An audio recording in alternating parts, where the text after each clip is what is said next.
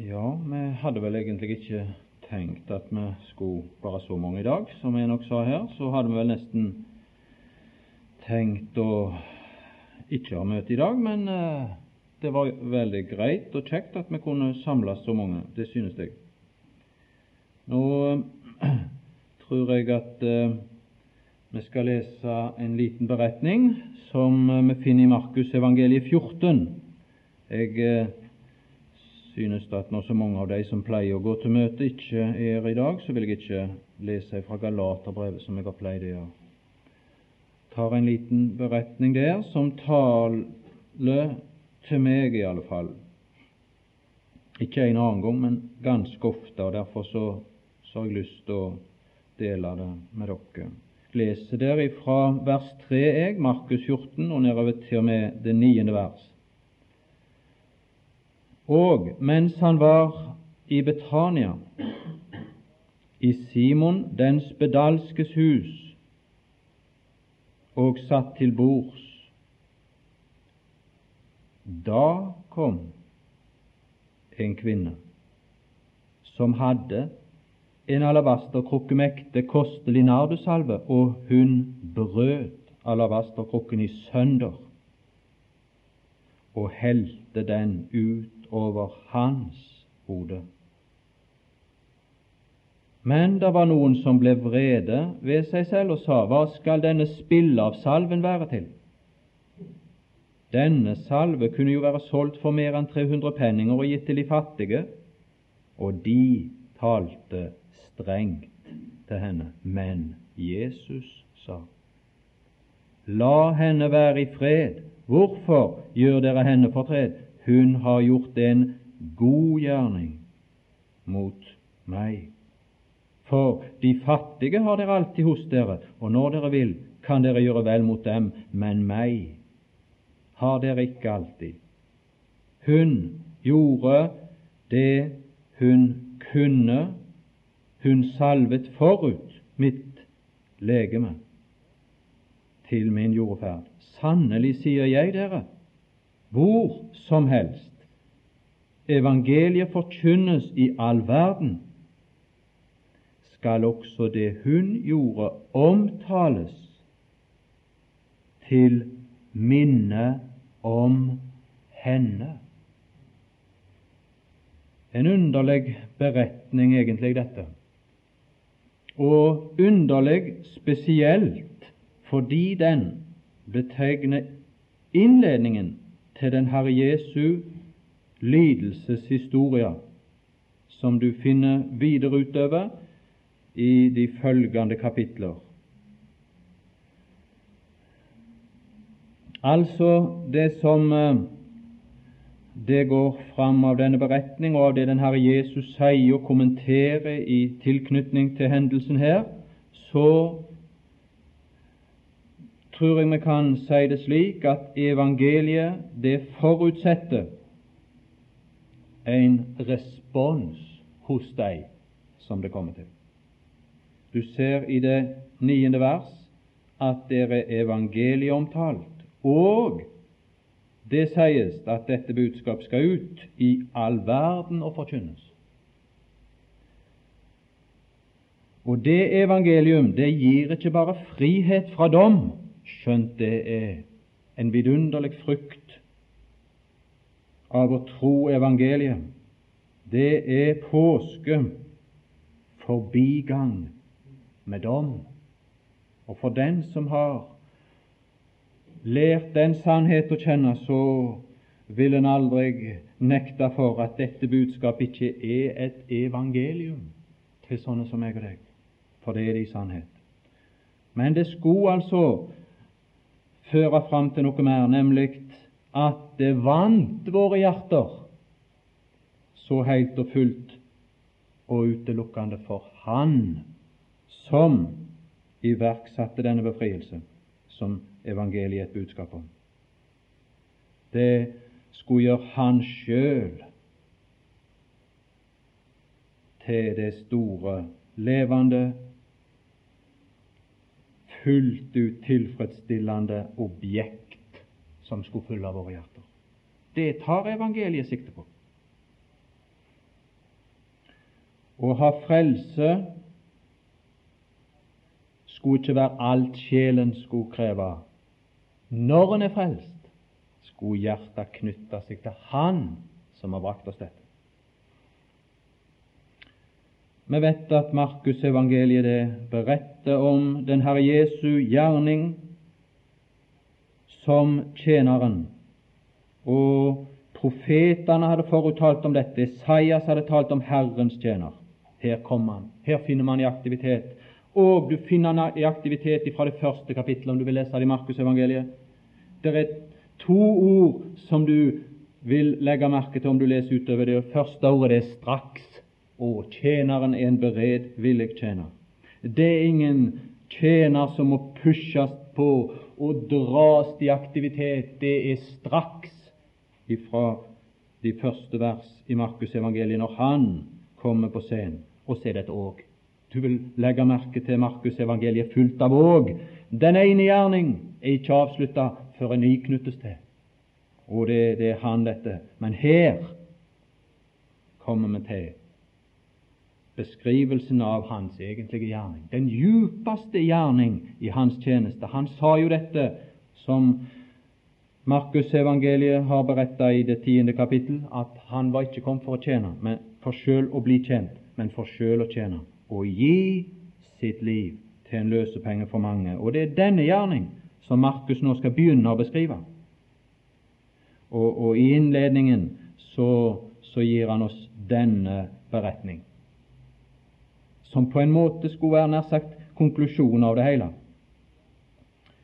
Herrens tjeners gjerning, sånn som Messias 53 beskriver det, får vi her i historisk framstilling i Markus evangeliet, og innledende så hører vi om denne gjerning. Ja vel, vers 3. Og mens han var i Betania Nå er det kun en, en antydning som du kan grunne på, og, og selvfølgelig du må ettersøke nærmere om det det har noe for seg, men, men det, det tror jeg for min del kanskje det har. Betania betyr et sted med fiken, eller et fikenhus. Nå kan selvfølgelig vi mistolke sånne ord og legge i de det som ikke var tenkt, men du vet, den Herre Jesus rei inn i Jerusalem den såkalte palmesøndag. Så står det i det ellevte kapittelet i Markusevangeliet, tolvte vers, og den neste dag. Ja, Man kan godt lese det, men det er vel kjent. Markus 11, vers 12, og den neste dag. Da de gikk ut fra Betania, ble han hungrig. Hungrig. Hva kunne tilfredsstille hans hunger? Jo, du, han så et fikentre, og der hadde han da forventninger.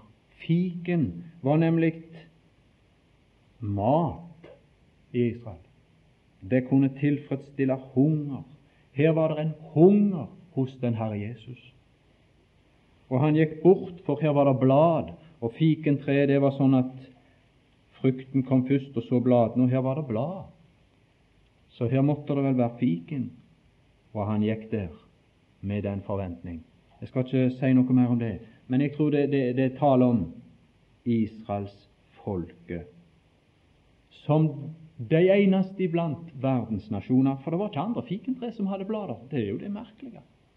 Men dette treet hadde brukt all sin kraft på å produsere blader i en unormal tid. For det er jo unormal tid. For en dag skal jorda flyte over med frukt. Det er ikke frukt igjen da. Det visste den Herre Jesus, men her var det en som gav seg ut for og hadde en bekjennelse av dette. I alle andre verdens land så rådde hedenskap, men her var det en bekjennelse av lydighet til loven og en prangende gudsdyrkelse medholdet av den ene sanne Gud, Herren Javé, i Det gamle testamentet. Så kom han og skulle tilfredsstilles i nærheten av dette folk, men han fant ingenting.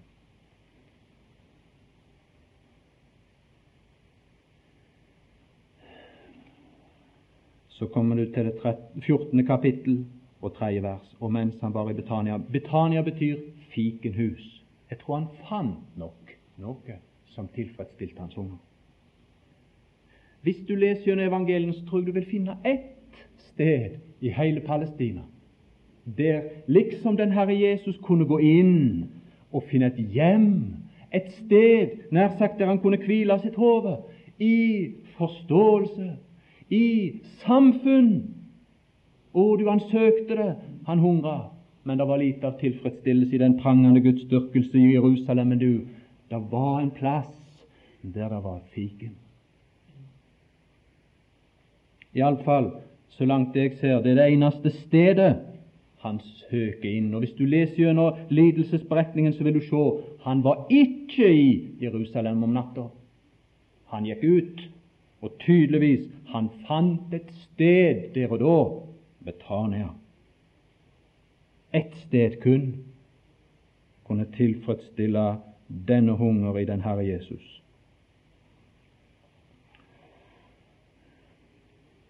Hvordan når dette evangeliet oss? Jeg mener at resten av beretningen ned til ni taler om fiken, om du vil, da. det som tilfredsstiller ham. Dette eksempel. Men hvordan når dette evangeliet oss, eh, evangelios som skal ut til all verden? Når det oss? Det, det finner oss som ei Maria? Nei. Nei, det finner oss ikke som ei Maria. Aldeles ikke. Men det skulle ut dette evangelium. Det skulle i all verden dette evangeliet. Men hvordan finner det mennesker i all verden? Jo, det finner oss sånn som det står her. Og mens han var i Betania, i Simon Simon, det betyr den hørende. Du kan lese det i Første Mosebok 30. Den første Simon som Bibelen omtaler, ble gitt det navn fordi Gud hørte. Og Simon betyr å høre. Og i dag, når evangeliet skal ut i all verden, så er det et spørsmål om å høre. Ikke så under loven. Det sier Romerbrevet 2. Ikke den som hører, står det. Men den som gjør loven, skal leve og være rettferdig på det grunnlag. Men i dag heter det å lovet være Gud. Er det det det heter i dag? Det heter den som hører den som hører. For gjerningen er fullført utenfor oss. Ferdig komme den gjorte gjerning av Herrens egen tjener i et budskap i all verden. Og det er spørsmål kun om å ta imot. Troens ord, det er det ord som er forkynnes her, apostelen. Og det betyr det er et ord som skal troes, tas imot.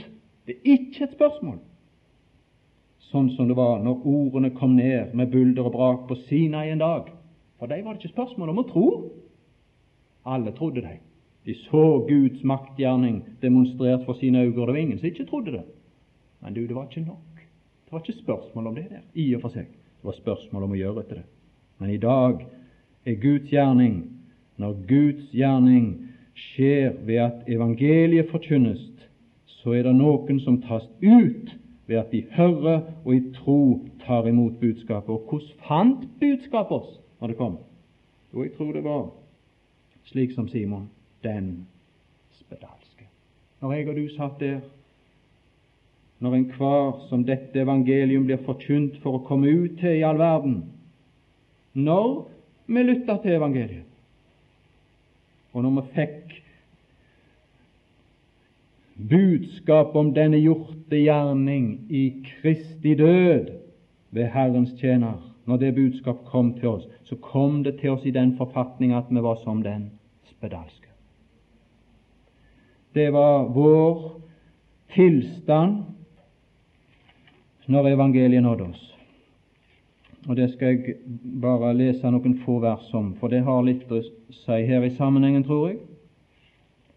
Hvis vi først leser Jesajas 52 og det 15. vers, som jo er innledningen til det 53. kapittel og del av det egentlig, så er det greit at dere har den nye bibeloversettelse, enkelte av dere, og da står det jo der i det 15. vers, og det tror jeg tar opp resultatet av det som det 53. kapittel er en utleggelse av, stykke for stykke, på forhånd, før selve gjerningens gjørelse omtales i del og i detalj, så er det Herren som taler fra det 13. til 15. vers, som jeg har sagt tidligere, i det 52. kapittel, og det 15. vers tar opp resultatet av denne enestående gjerning. Og det begynner slik i deres oversettelse, som har den som er kommet i seinere år, at der står det 'slik skal han stenke mange hedninger'. Er ikke det det står? Bestenke. Ja, det er samme tanke. Hvis du tar en eldre norsk oversettelse, så har du det samme. For det er det som det egentlig står på hebraisk. De har tatt det på en litt annen måte i 30-årssettelsen, ser vi. Resultatet er at han skal gå ut, og du skal se at det skal bli et forunderlig budskap, det som det 15. vers taler om. Det skal ut dette. På grunnlag av den fullbrakte forsoning så kan han gjøre dette. For hva er hensikten med dette å stenke eller bestenke? 3. Mosebok 14,7 skal vi lese ett sted, for der finnes dette uttrykk, og der finnes det også hensikten med at denne bestenkning skulle finne sted. 3. Mosebok 14,7 og hva er det der som er omtalt? Jo, der er den spedalskes renselse omtalt. 3. Mosebok 14,7 å sprenge samme sak og samme ord, egentlig. Syv ganger på den som lar seg rense for spedalskhet.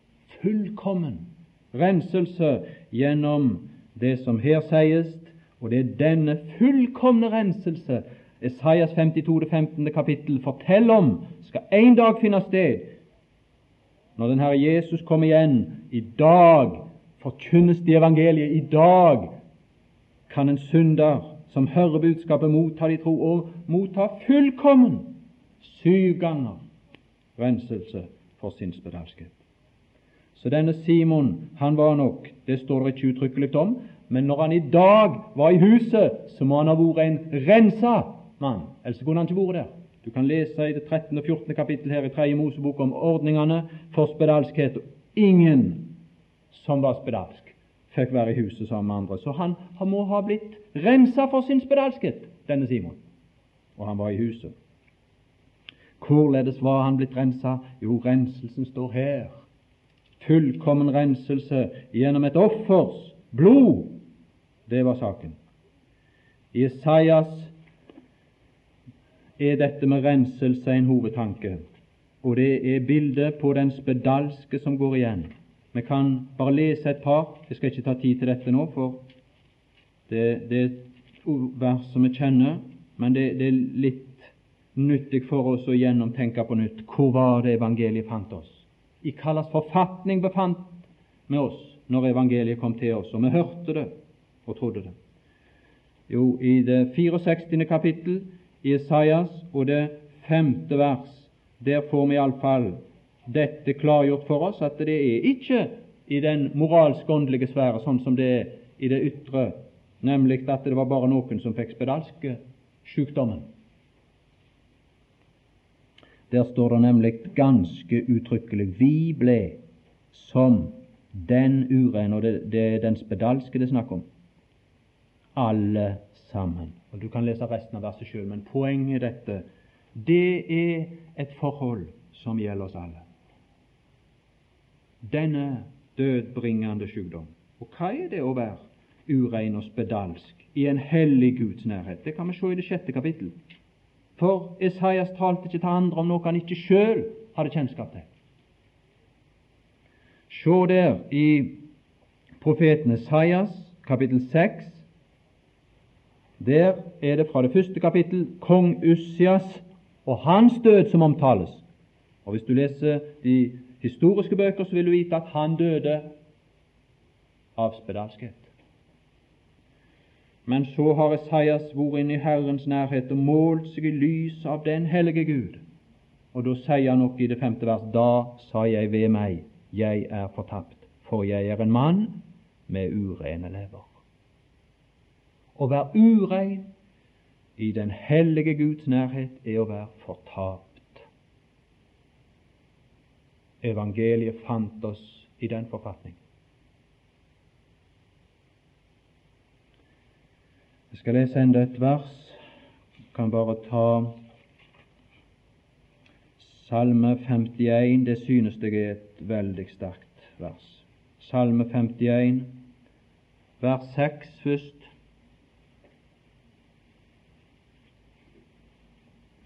Å være fortapt. Her brukes litt andre ord. I det sjette vers så sier David mot deg alene har jeg syndet, og hva ondt er i dine øyne, har jeg gjort. Har jeg gjort.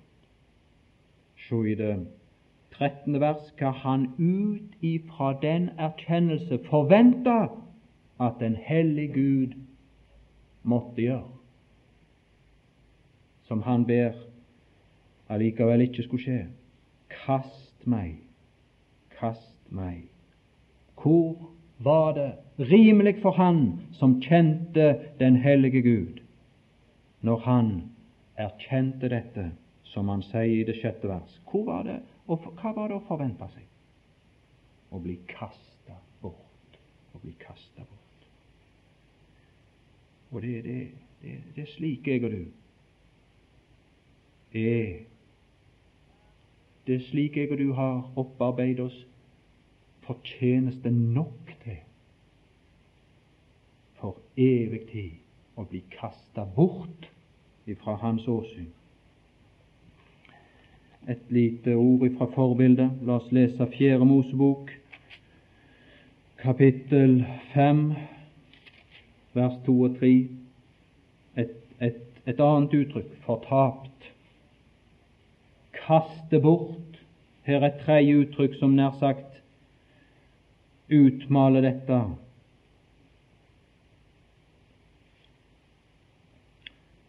Femte kapittel, andre vers. Byd Israels barn at de skal sende ut av leiren alle spedalske. Se eh, tredje vers. Både menn og kvinner skal dere sende bort. Utenfor. Utenfor. Og det er ikke bare et ord, men det er uttrykk for en mektig sak som Bibelen har på sitt siste blad. La oss lese det. Åpenbaringen 21, 27.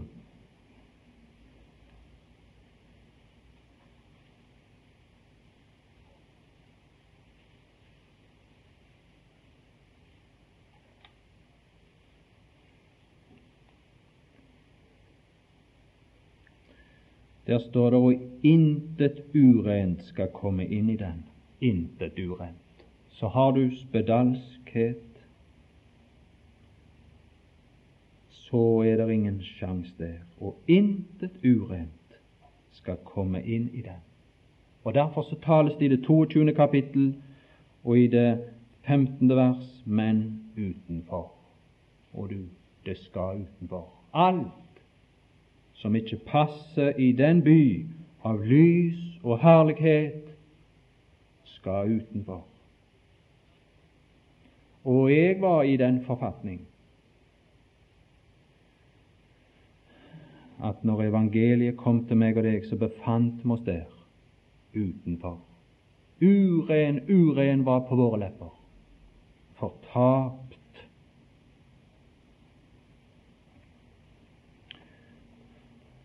Men det er dette som gir oss grunnlag for glede. Jesu, Guds sønns blod, renser.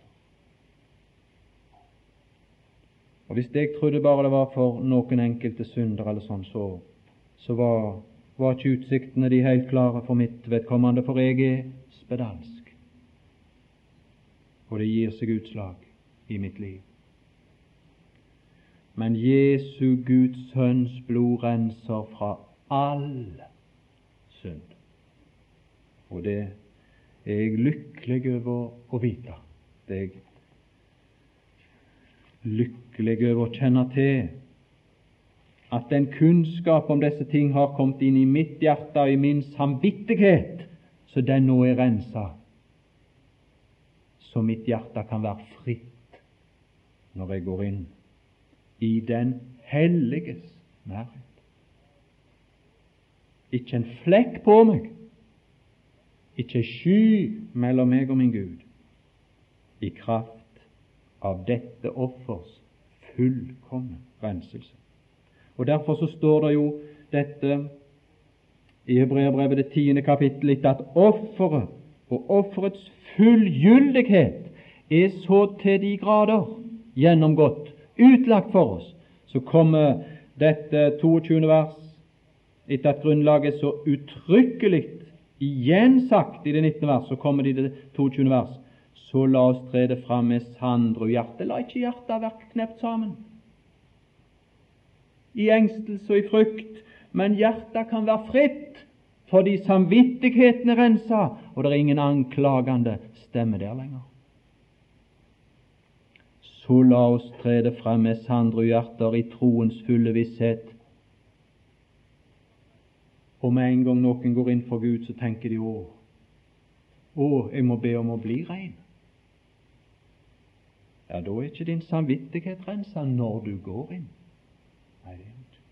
Da er det ikke i troens fulle visshet du går inn. Da er det i en blanding av visshet og vantro. Men her er vi oppfordra, og ikke på et usikkert grunnlag, men på et klart grunnlag, hvorfor vi kan gå inn på denne måten. Så la oss tre det fram med sandro hjerter i troens fulle visshet. Og så står det renset. Ikke for å bli renset, men renset i troens fulle visshet på at du er renset på hjertene fra en ond samvittighet. Da kan du gå inn. Da kan du gå inn, og du kan se opp i hans åsyn. Og du kan vite ikke en flekk på meg, ikke ei sky imellom, men et åsyn som gløder i velbehag mot deg, og du kan nyte det velbehag. Men da må du kjenne offeret i sin fulle kraft. Vel, tilbake til Markus 14. Og mens han var i Betania i Simon den spedalskes hus Nå var han i hus den spedalske. Tenk du, utenfor, bestemt til å være utenfor, til å kastes bort for en forandring til nå å være innenfor. Med rett til å være der, og skikka til å være der. Vidunderlige tanke for min del. Skikka til å være der. Og så står det et tillegg igjen og satt til bords. Han var der og han var skikka til å være der, og at han hadde rett til å være der. Og han var der med en bestemt hensikt, og hensikten var hans som hadde brakt ham. For den Herre Jesus satt til bords, og Simon var med. Hva er det å ha samfunn for noe? Jo, det å ha samfunn, det er å dele. Jeg kunne lest fra Skriften at å ha samfunn, det er å dele. Men jeg tror tida den går ifra oss om jeg skal gjøre det. Men det er en tanke. Han har tatt oss inn fordi han har noe å dele.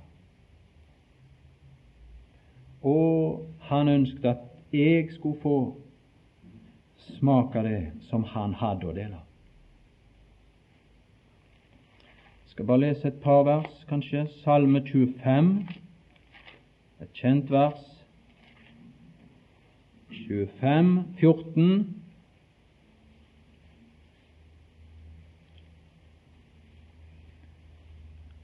Og det gjaldt på Davids tid, det gjelder i dag.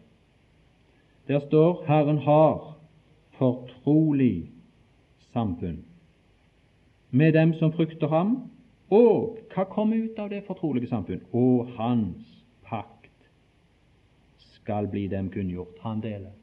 Han deler ut av paktens velsignelser. Når du har fått del i det som er kommet til oss i kraft av Hans blod, som er det som er grunnlaget for den nye pakt, så har Han mer i den pakt å dele med. Og, og, og Han er aktiv for at så skal finne sted. Han har. Herren har. Han er aktiv på det området. Og Hvis jeg og du finner vår plass ved bordet, like som Simon hadde funnet sin plass her, leser du og uh, i Johannes evangeliet så finner du at Lasarus var der. Det er ei side, skal ikke ta opp den. Så finner du altså Maria her, og hun hadde vært ved hans bord og tidligere og mottatt salve. Og i Høysangen kapittel 1 og vers 3 der står det hva en salve er for noe. Liflige duften av dine salver. Enok leste om liflighet, med sang om dette navn som er liflig, og her står det Liflige duften av dine salver, ditt navn, ditt navn er en utgitt salve. Ditt navn, det er et begrep som omfatter alt det Herren er, som åpenbart, og som kjent av oss, som vi kan kalle Han med det navn. Og du, hvor mye han kjent av meg? Maria hun hadde vært der ved bordet, og han hadde fordelt noe av hva han var, og åpenbart seg for henne. Så hun hadde, hun hadde tatt inn noe av dette når hun sitter der i Lukas det tiende kapittel, som vi kjenner til. Og du, den liflige duft hadde hun dratt inn. Det navn hadde blitt utlagt for henne. Og da, da, da står dette og satt til bords altså Markus 14 jeg og vers 3. Da kom en kvinne. Da kom en kvinne.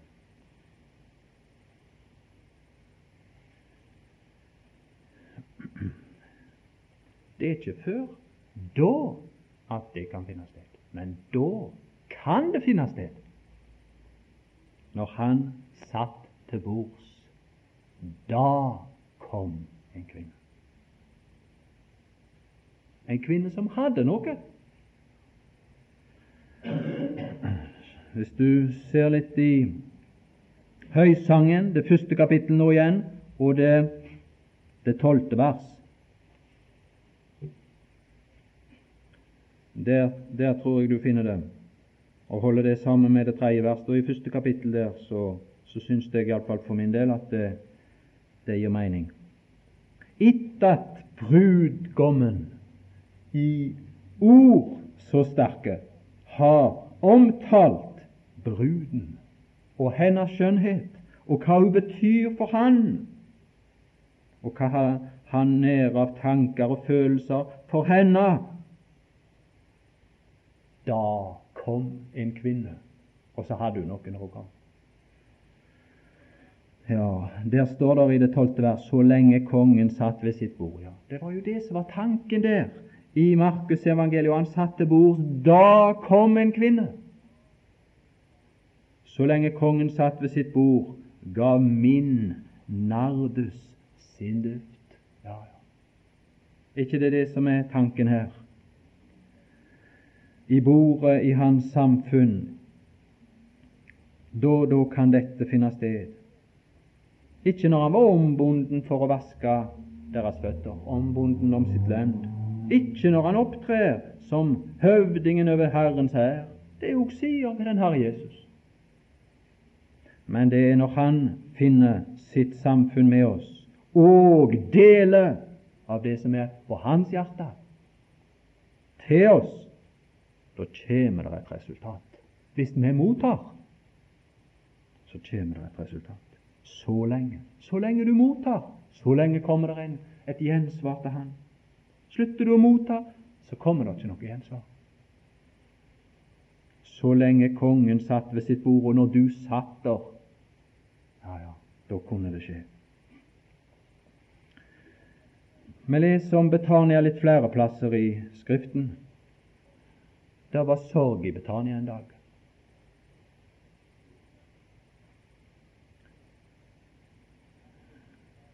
Og den Herre Jesus gav da medynk, trøst og oppmuntring. Det var undervisning i Betania i Lukas 10. Men det, det, minner meg mer om min uvitenhet og mitt behov for å bli undervist av ham. Men du, det er når Han sitter til bords, det er når du sitter med Hans bord, og Han får dele, og Han får nyte av dette samfunn med oss.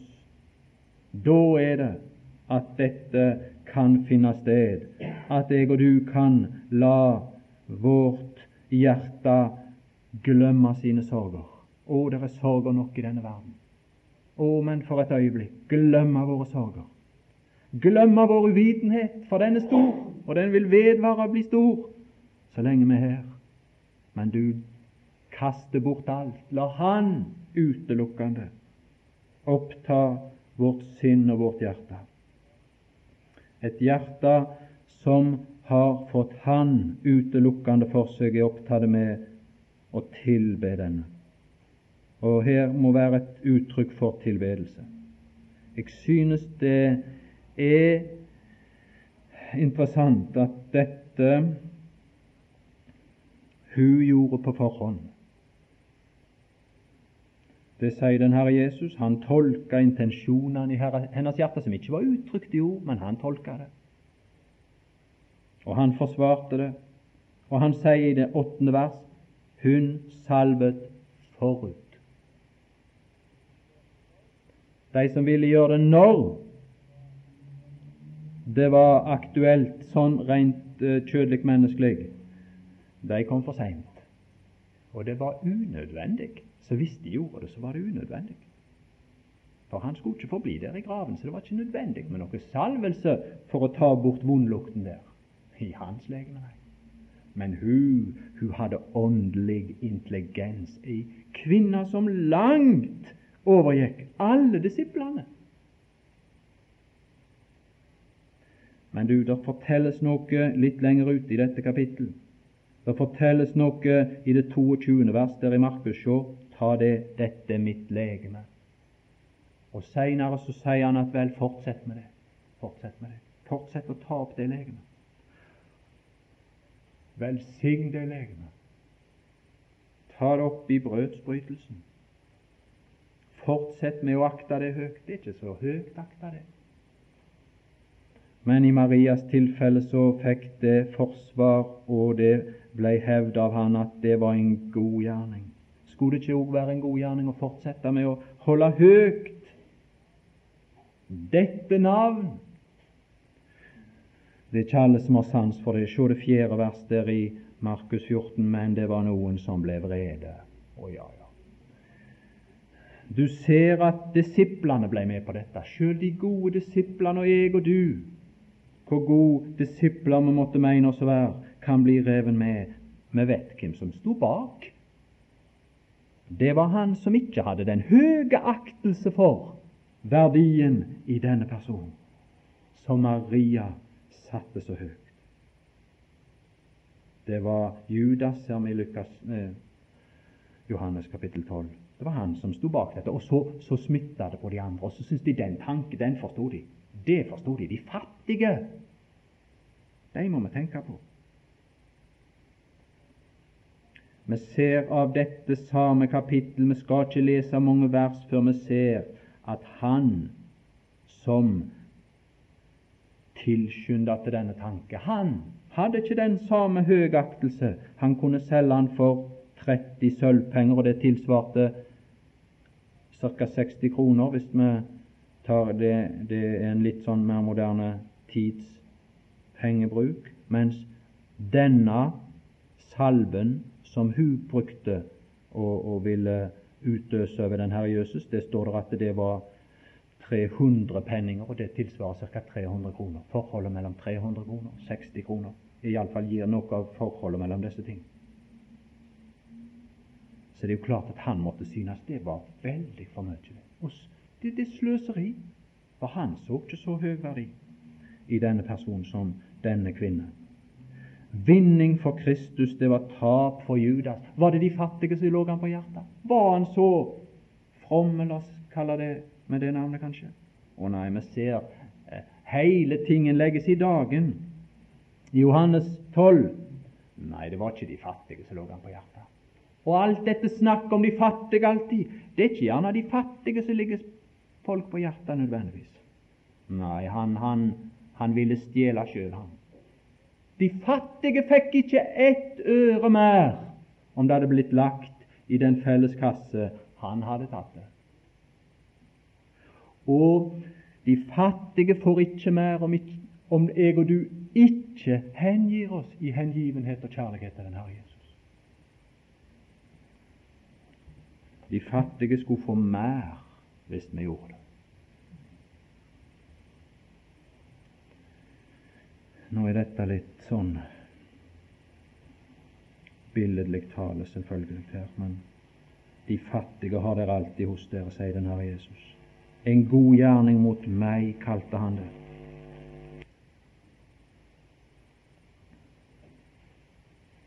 Skal jeg snart avslutte her, men, men jeg synes kanskje det var verdt å nær sagt eh, avdekke litt av av, av, av disse tanker som så lett kan dra oss med som hans disipler. Hun gjør alt av Han.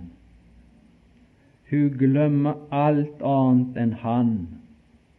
Men de som knurrer i dette tilfellet, de viser der at de nedvurderer den Herre Jesus.